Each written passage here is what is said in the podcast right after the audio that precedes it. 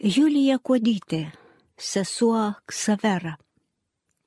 Mėly Marijos radio klausytojai, šioje laidoje jums papasakosime apie Eucharistinio Jėzaus seserų kongregacijos narę ir ilgametę vyresnėje tautinio ir religinio gyvenimo skatintoje, katalikiško ir tautinio pasipriešinimo sovietiniai okupacijai dalyvę seserį Ksaveriją Juliją Kodytę.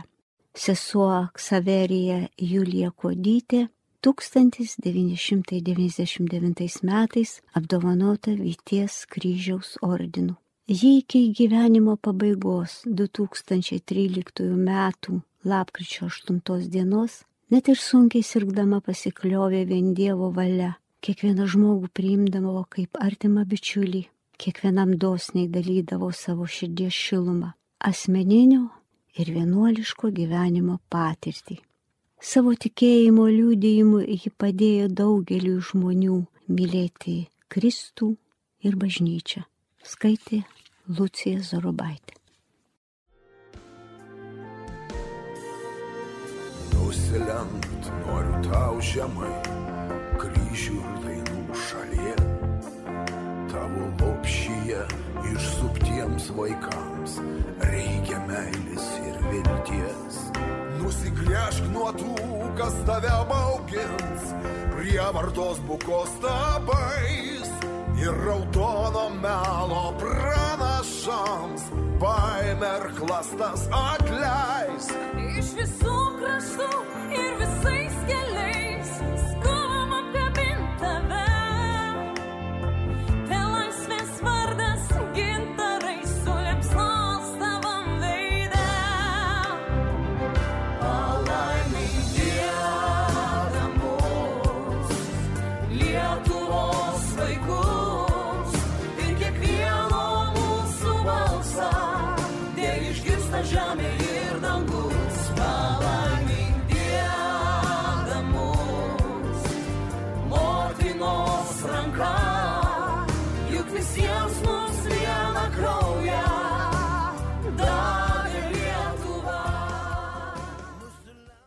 Sveiki gyvi, mėly Marijos radio klausytojai. Šioje laidoje kalbiname vieną iš Euharistijos bičiulių, Vida Abraitė. Sveiki gyvi.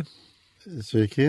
Taigi, mielas Vidai, šioje laidoje norime kalbėtis apie sesę Juliją Kuodytę, Euharistijos, Euharistijos kongregacijos seserį, ilgametę vyresnėją. Norime kalbėti ir pristatyti ją Lietuvai, nes ne visi žmonės ją pažįsta, o ji bažnyčiai daug pasitarnavo. Kada pirmą kartą su šia seserimi susitikote, kokiomis aplinkybėmis gal prisimenate? Per bičiulišką veiklą. Todėl, kad kai sesės gyveno Dranaičio gatvėje, ten turėjo jos tokį namą, tai tenai visus gyjus eidavo informacija, ir kontaktai. Todėl, kad nepamirškim, nebuvo interneto. Telefoną nedaug kas turėjo paprastą, nekalbant jau apie kitas ryšių priemonės. Tai kažkaip reikėjo gyvai perduoti informaciją. Ir, sakykime, ten savotiškas gyvas serveris buvo už tai, kad ateidavo informacija apie tai, kas vyksta Lietuvoje, kokie persiekojimai įvyko, teismas kažkieno, ar organizuojam kokią piligriminę kelionę, ar kur nors, tai tenai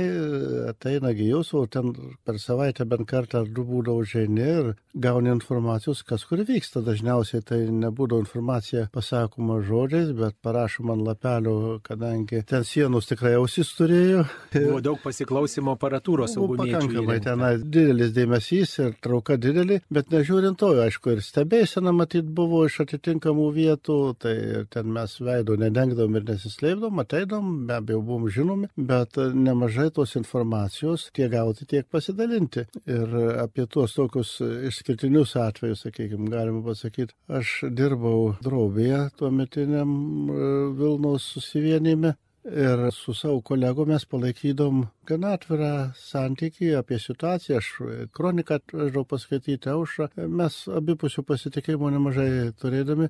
Vie- Vieni kitais pasitikėjom. Ir, sakykime, jeigu man teisdavo kažką iš bendražygių, tai aš savo šefui sakydavau, kad e, važiuoju į teismą, bet kadangi tai darbo metu, gali iš KGB pasidomėti, kodėl išvykęs darbo metu. Tai šefas sakydavo, paprasta formulė. Dirbai šeštadienį, daviau išeiginę. Viskas legalu. Ir vieną kartą jis man iš pat ryto paskambino į mano kabinetą, sako, ką šiandien teisė. Sakau, kad nežinau, dar nesužinojau. Sako, man paskambino vyr buhalteris, jis taip kukliai prisipažino, kad bendradarbiauja su KGB ir liepė man tavęs neišleisti, jeigu aš turėsiu kažkur išvažiuoti. Ir mums bekalbant, paskambina iš kadrų skyriaus viršininkas ir sako, tau šaukimas į karinį komisariatą. Tai aš tada savo šefui ir sakau, greit sužinosiu, ką šiandien teisė. Ir važiuodamas į karinį komisariatą Gedemino gatvėje, užsuku pas Julytę ir jin parašo ant lapelio Alfa teisė, reiškia kunigo Alfonso Svarinsko teismas. Tai va tai buvo pavyzdys, kaip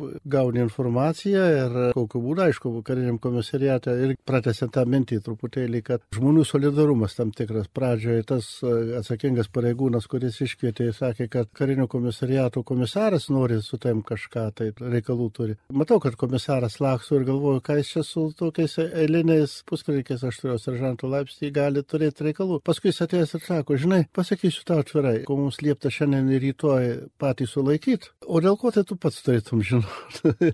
Nusišypsojo ir taip draugiškai. Tai va, tai tas ryšys su Julyte dažnai tokiams atvejams būdavo patinka. Jeigu reikdavo kartais pasitarti, jie tokios sveikos išminties turėjo be galo sveikos išminties. Savęs e, į tą temą neįterpdavau, kad e, jos ten atsakymas galutinis, bet taip, kaip ji tą dalyką pasakydavo, tai tarsi Dievas per ją pasakė ir tau viduje aišku, kad e, gavai žinę tą, kurios tau reiškia, kur, kurios ieškojai. Tokio labai sveiko galaus vidinio supratimo būdo. Apie visas reigiamą, Julytę, tai kardinolas amžinos atminties Latkevičius yra pasakęs, joms tokį palyginimą. Per jų jau jubilienę šventę sako, jūs esate šaknys bažnyčios.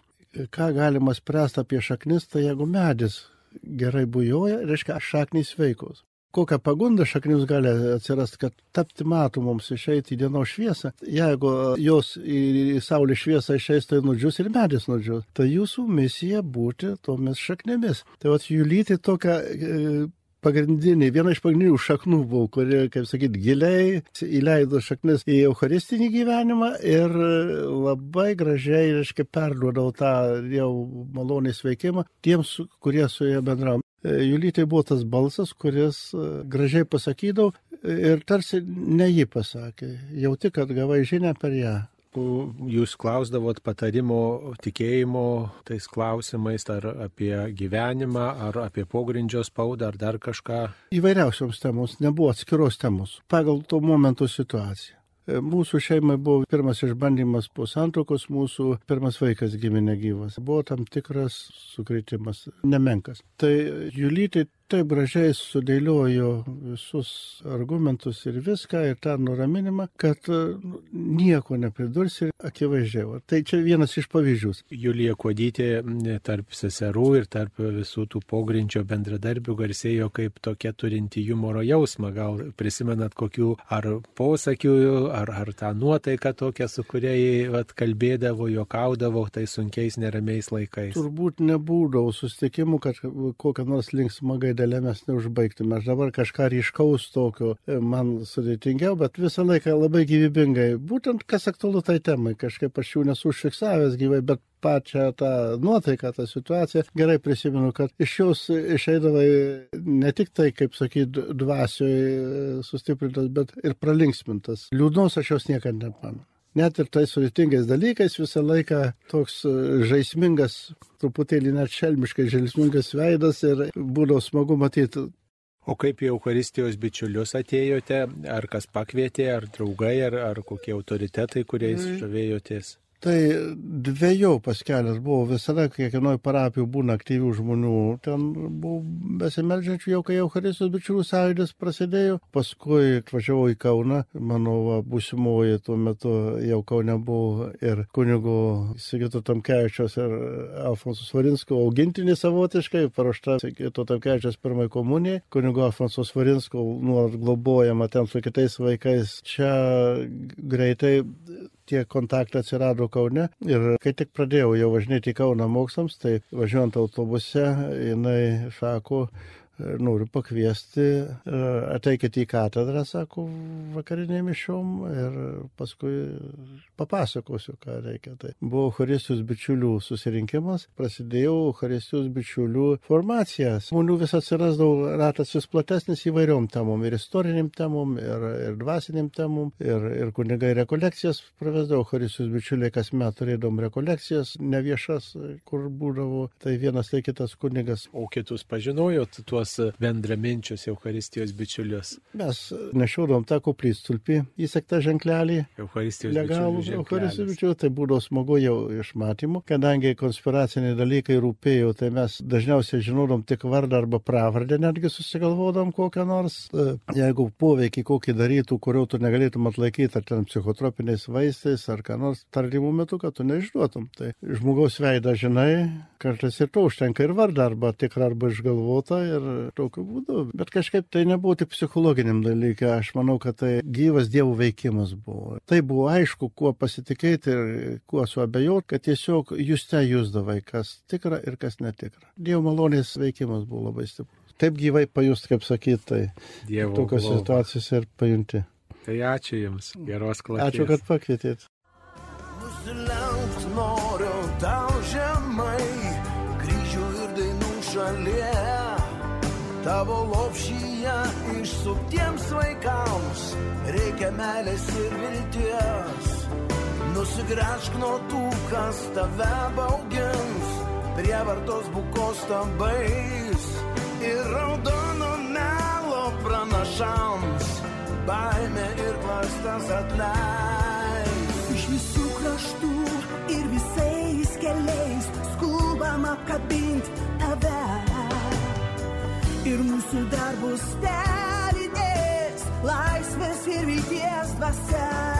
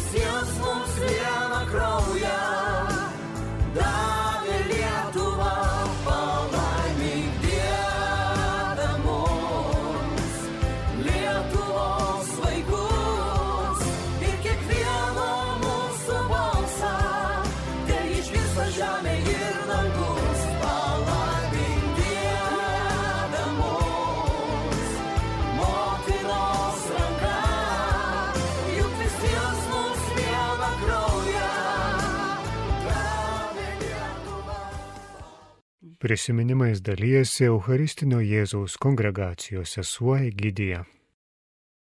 Tęsė Julija Kodytė. Pažįstu daug metų, kada pirmą kartą jau galvojau apie vienuolyną ir ėjau į vienuolyną.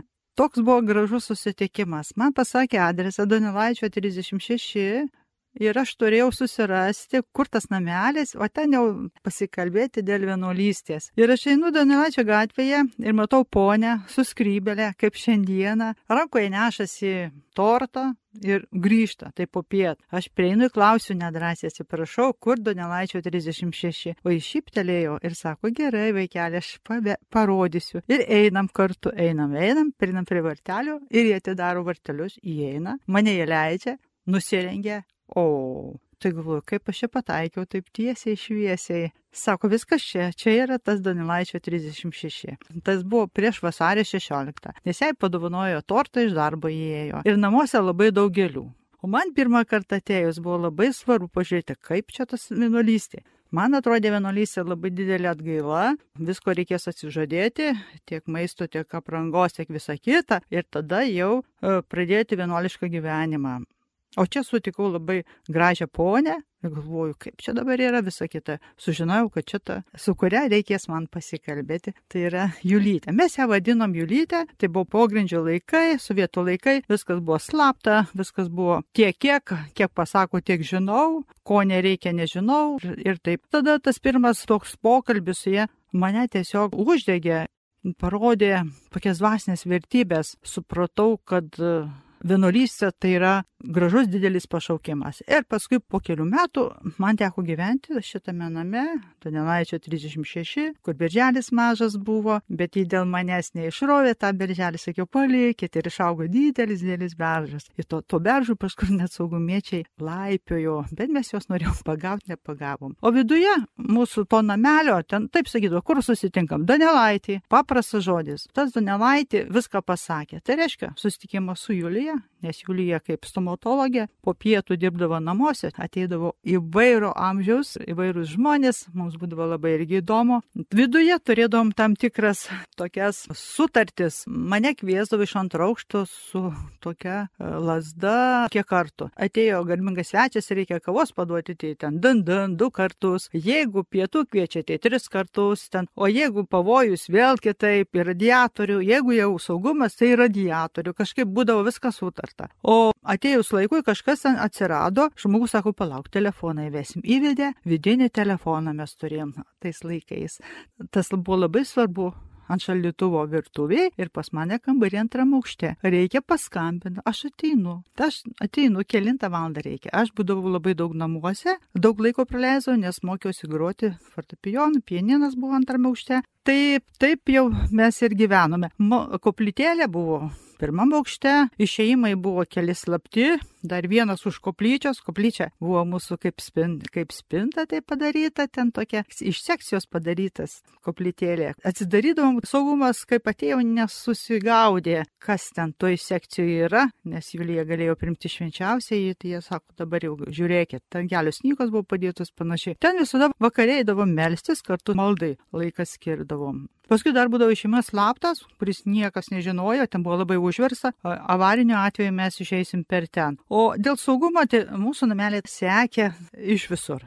Švietimo skyrius žiūrėdavo kreivai, iš anos pusės, e, ten, kur keturiaukščiai namai, iš ten ištisai sėdėdavo žmogus. Na ir dar pasiklausimas viduje ir dar viena gyventoja, kuri taip ir pasakė, aš jūs visada sekdavau, e, klausydavausi ir aparatūros buvo. Bet mums tai netrukdė gyventi ir labai sakydavo, tris veikia Marija už tos, kurie mus seka ir už tą už sienos, kuri ten gyvena. Ir kiekvieną vakarą dar po visų vargų, po dar tris veikia Marija užlelė. Mes ją taip vadinam. nu, ne vardas, nei pavardė. Ir taip atsitiko, atėjus laiko pilnatvei, ji atsivertė, man teko su jie susitikti, apsikabinom, ji buvo nekrikštyta, pasikrikštijo, priėmė santoką sakramentą, sako, aš įtikėjau. Tai čia mažas stebuklelis gyvenimo įvykiuose, kas tuose namuose ten darėsi. Ten stebuklų daug buvo. Paskui dėl kronikos laikė mes nekalbėdavom, mes rodinom ženklais. Storas, mažas, didelis, arba rašydavom, būdavo tokia iš užsienio gautas, kad kaip pakeli ir dinksta. Parašai, ką reiškia, kur buvai, kada pareisi ar panašiai. Niekuomet vardų, pavardžių nerašydavom. O dėl kronikos tai rinkdavom medžiagą, dėdavom įeinant prieš duris, toks buvo nedidelis priengiukas, a ten po gumutės, pikš padėjai ir viskas. Ir paskui džiaugiasi, didžiausias ovacijos būdavo klausyti Vatikano, ramiai, ir iš ten jau žinom, kad jau ten pasiekė kronika. Tada Julijai džiaugsmą ašarą nuleidėdavo, suprasom, kaip įmylį Dievą, tautą ir viskas, kas čia vyksta. Tai tik tokias ašaras aš jos matydavau. Apie savai nekalbėdavo, labai daug dirbdavo, nes grįžta iš ligoninės, tada stomatologinis darbas namuose ir visada žmonės, žmonės, žmonės įvairūs ateina ne tik dantis gydyti, bet nu, ir dar pasišnekėti.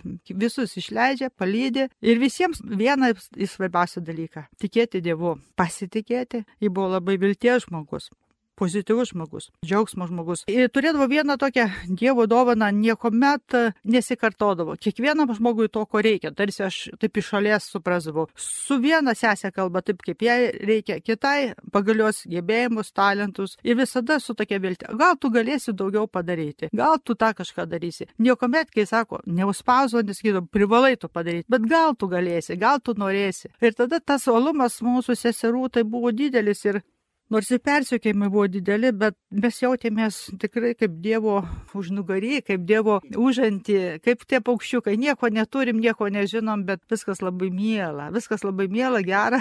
Ir to maisto ten nebūdavo daug. Atsimenu, vaišingumas tai būdavo labai paprastas. Jeigu iš kelionės kas atvažiavęs toliau, tai man pabeldžia, tai visada būdavo duonos, sūrio, sviesto Nu, su mėsa nelabai ten nelabai. Po trys dalykai visada. Nu, arbata, kava, vienu žodžiu. Ten man tekdavo paruošti, nunešti ten į kambarėlį, kada, kada labai rimtai kalbėdavosi, aš stengdavausi nieko negirdėti, nes kuo mažiau girdi, tuo mažiau, žinai, tas yra labai gerai tas laikais, nes mane mokė taip, vežu kroniką arba užra, davažiuoju, nežiūrėk į kaimo, kaip užrašyta, nes į pasąmonę ateis tau, tas užrašas nuneši padėdė ant altoriaus, važiuoji grįžti, nepasižiūri, kur pasisukai, net nežinai, kokioj parapijoje tu buvai. Tiesiog mus taip mokė ir tas toks susiklausimas, viską jautėm, bet daug dalykų nežinojom, ko nereikėjo žinoti dėl saugumo. Kad paskui tardymo metu kažką neišduotume, kažkur nepasirašytume. Tai prašydavo trijų dalykų - nekalbėti, nieko nepasirašyti ir melstis. Taip mes mėgindavom taip daryti, tada saugumas labai pykdavo. Pykdavo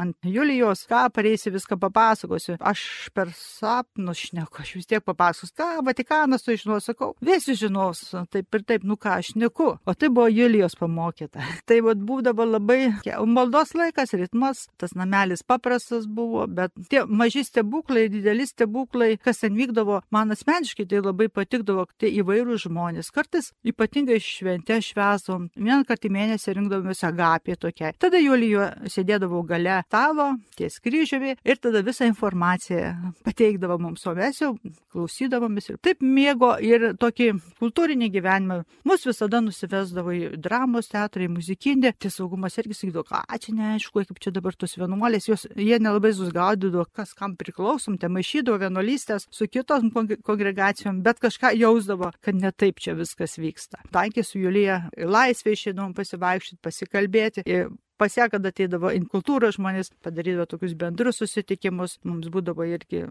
žinoti daugiau, suvokti, kas bažnyčioje darosi. Ir tas disidentų ratas, kuris pas Juliją buvo, visi ten ateidavo, kaip sakiau, ir mano atminti labai daug pro mano akis amžinatelis ir Simutis, Kryževičiai, per šventes, paskui e, pliumpa, apie kunigus, čia turbūt jau yra daug pasakyta, kad ten veikia klerikai ir kunigai, dėl dantų ateidavo, tai tekdavo ir man dar ten palaikyti galvą, dėl to, kad nebūdavo ten kėdėje taisydavo. Tuo laiku atrodė viskas taip paprasta, bet neprasta. Tai va, apie tos brolius, kurie jau rimtai seka, kurie dirba tą darbą. Jį nepykdavo ant jų, jis sakydavo, tai yra vargšai žmonės suklaidinti. Mes norėdomėm kažkaip kitaip, kad sakytų, bet ne, tai yra vargšai žmonės. Kad jie neturi Dievo, jie suklaidinti. O tie, kurie seka, irgi vargšai. Na, va, tai biski mus atlenkdavo į tą pusę, kad mylėti žmogų visokį. O Julija sugebėjo neprasti tokių ypatingų vertybių, turėti,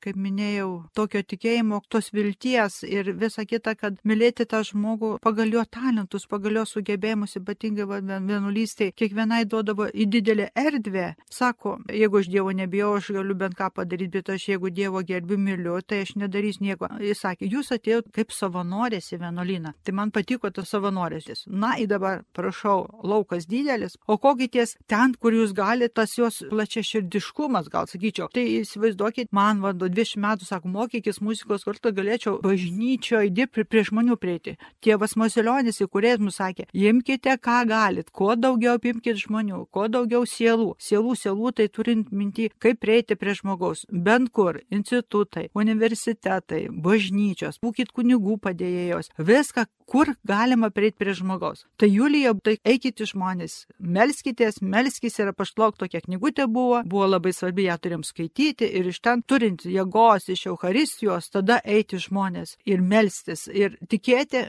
kad ir laisvė ateis, ir tikėjimas sugrįž, ir žmogus eis moraliniu keliu. Trys dalykai, kurie labai svarbus jai buvo ir į nuovargio jai neturėjo, nes vakarė ten, kai einam melsis, tai mes tik knap, knap, knap, knap, tie visi jau pavargę. Bet rytas vėl nauja diena. Tai mes taip ir, ir gyvenome iki laisvės.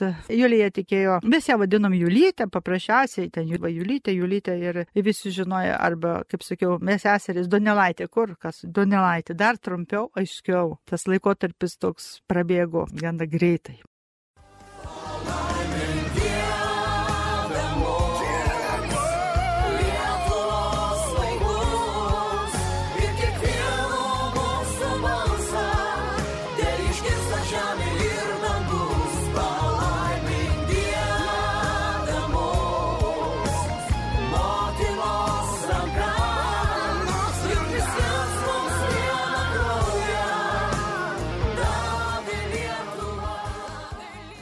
Tautodininkas skulptorius Adolfas Teresius. Julytę pažįstu jau nuo vyresniųjų klasių, kadangi mano sesutė Regina pradėjo gan anksti su Eucharistinio Jėzaus kongregacija bendrauti ir savaime kaip jaunesnis brolis esu į vairius renginius, rekolekcijas važiuodavom kartu ir nežinau, čia turbūt buvo kokie 70 šešti, septinti metai turbūt, kaip, kaip pirmais kartais jau jinai mane užveždavo.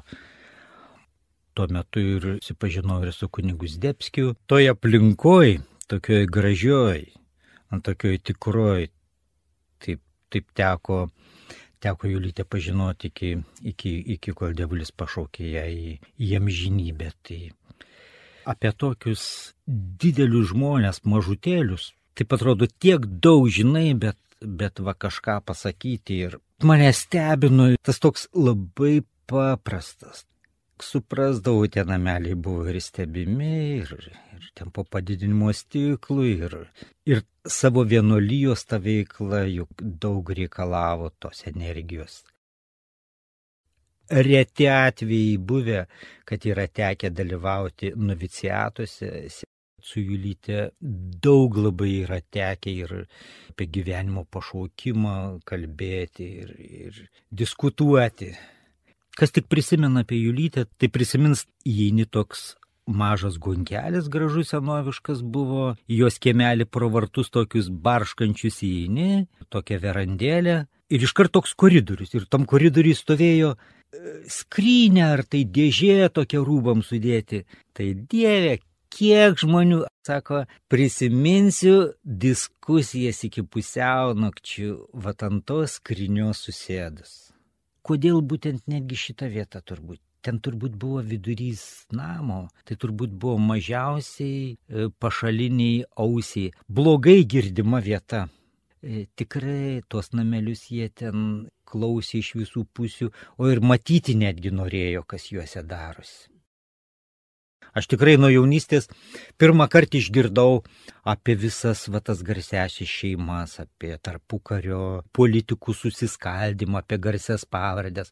O va, sako tėva, dabar irgi garsų žmonės viską laisvamaniai buvo kažkokiu tai reikalu važiavau pro Kauną ir, nu kaip neužsuksi pas Julytę, nes ir užsuku kažkaip, jau Julytė pati pasitiko, žiūri čia pilna žmonių, adiramiai, sako, pas mumi kratą daro, juokėsi, sako, jie ieško broliai kažko, sako, jiem čia reikia. Tegul darbuojasi, jinai taip visiškai ramiai, jie daro savo darbą.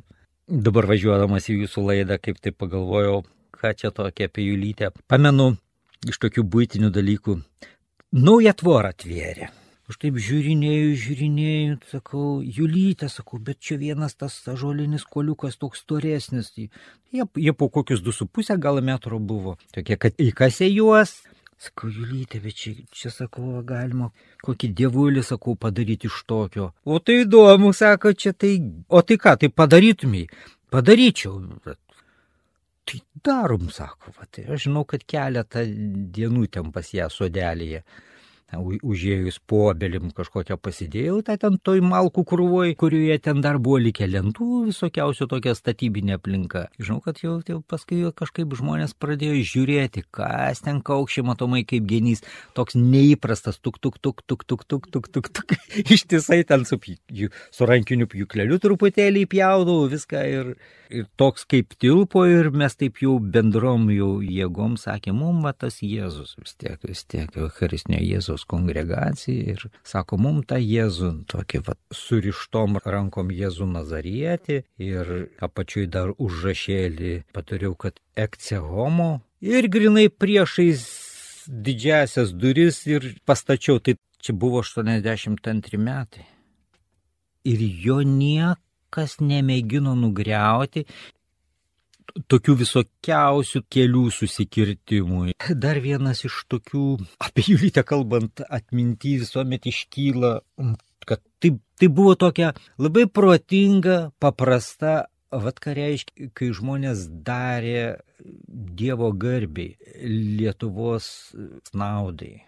Su jumis įspūdžiais dalinosi tautodininkas skulptorius Adolfas Teresius.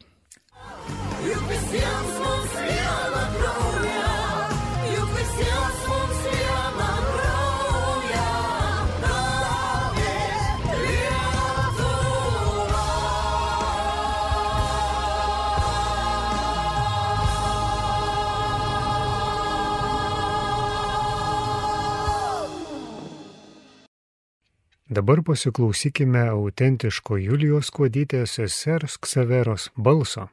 Tai archyvinė medžiaga įrašyta namų sąlygomis, todėl atsiprašome dėl įrašo kokybės. Kada prisimeni tėvelį, kada minim, tai dar labiau prisimena jo kalbos. Tėvelis sakydavo, kad žmogaus gyvenimui turi reikšmės, kokiom vertybėmis gyvena. Ir vat jis dažnai primindavo, kad mes didesniem dalykam esam gimę.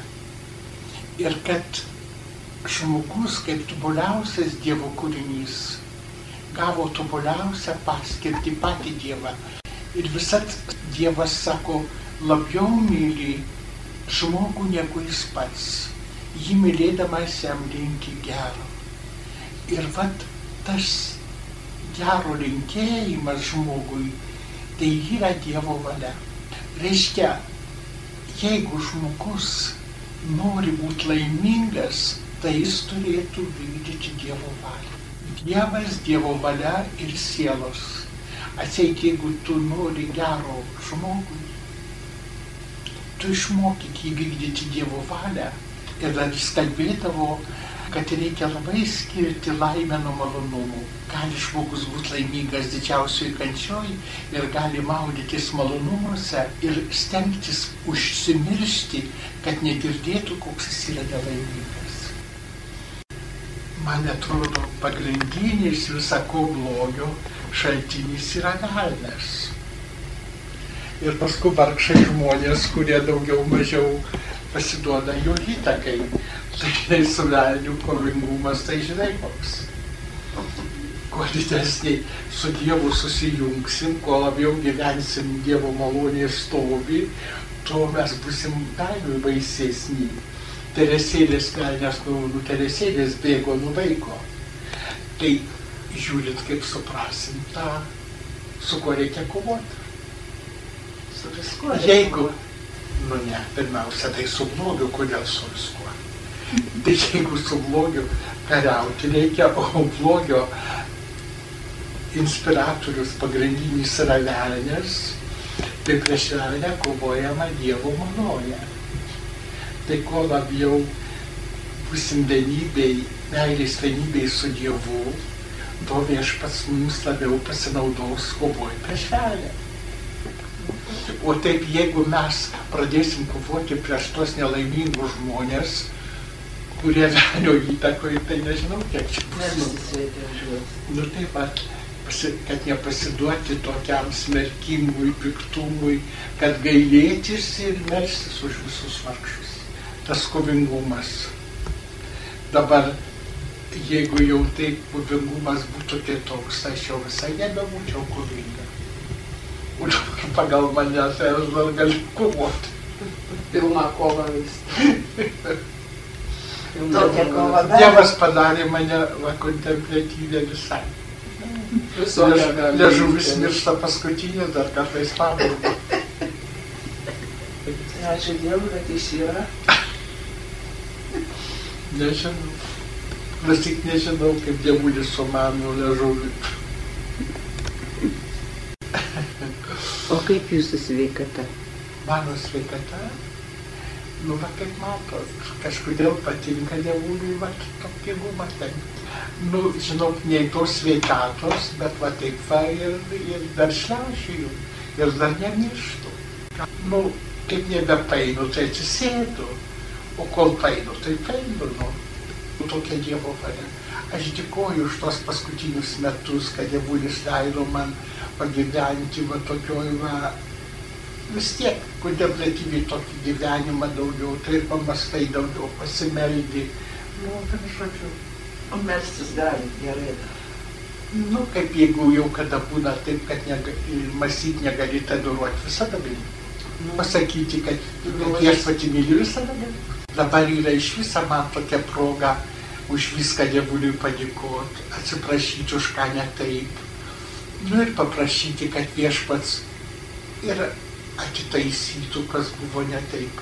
Ir kadangi vat, ilgiau teko būti kongregacijoje, va toj vadovybei, tai irgi aš dėkoju už tai, jeigu kas gera, labai atsiprašau viešpati, kas ne taip. Nu ir maldauju, kad viešpats atitaisytų.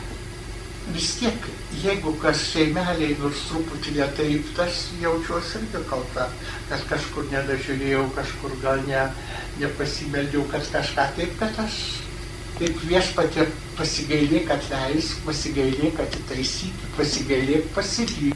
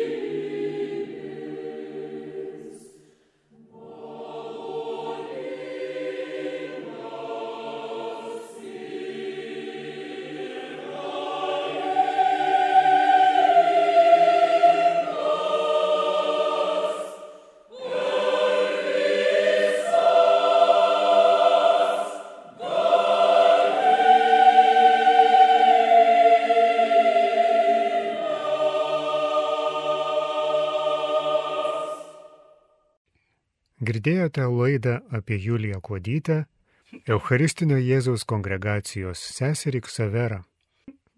Likite kartu su Marijos radiju.